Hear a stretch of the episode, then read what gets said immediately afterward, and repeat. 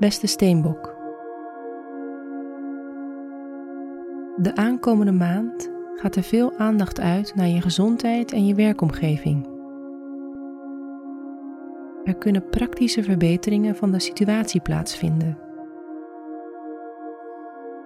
Ook kan je verwachten dat er een positieve twist is op het gebied van communiceren en schrijven.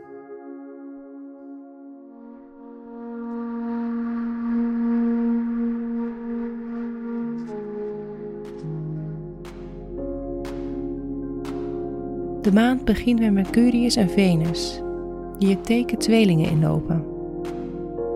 Voor jou betekent dit dat een periode waarin je extra spontaan en avontuurlijk was, langzaamaan wordt afgesloten. Nu kan er weer meer werk op je bord terechtkomen. Hopelijk heb je hiervoor voldoende kunnen opladen.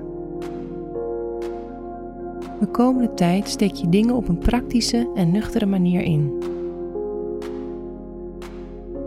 Wellicht kan je nieuwe creatieve ideeën die je de afgelopen maand hebt opgedaan, nu vertalen in iets concreets. Hier gaat de nieuwe maan in stier op 11 mei voor jou ook over. Hoe kan je je hobby's en creativiteit een prominentere plek geven in je dagelijks leven?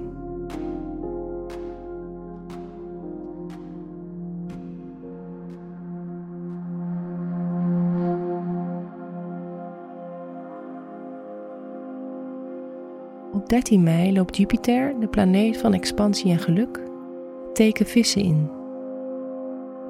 Jupiter is thuis in dat teken en dat betekent dat we zijn positieve invloed de aankomende tijd extra goed kunnen merken. Voor jou begeeft Jupiter zich nu in het levensgebied dat gaat over communicatie, opleidingen en schrijven.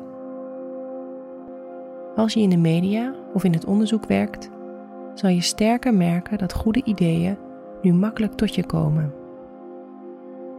In deze periode, die tot eind juli duurt, kunnen er de mooiste dingen uit je pen vloeien. Ook is dit een gunstige periode om korte reisjes te maken of een weekend weg te gaan.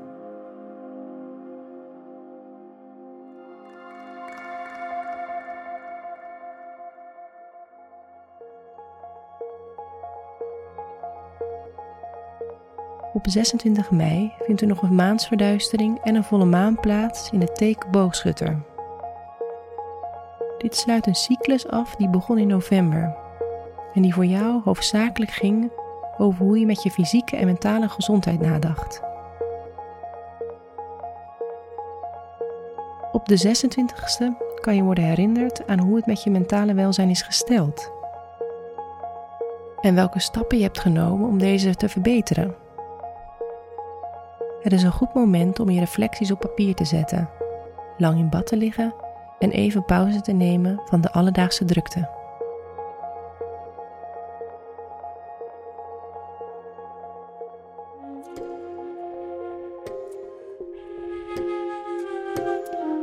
Fijne maand, Steenbok.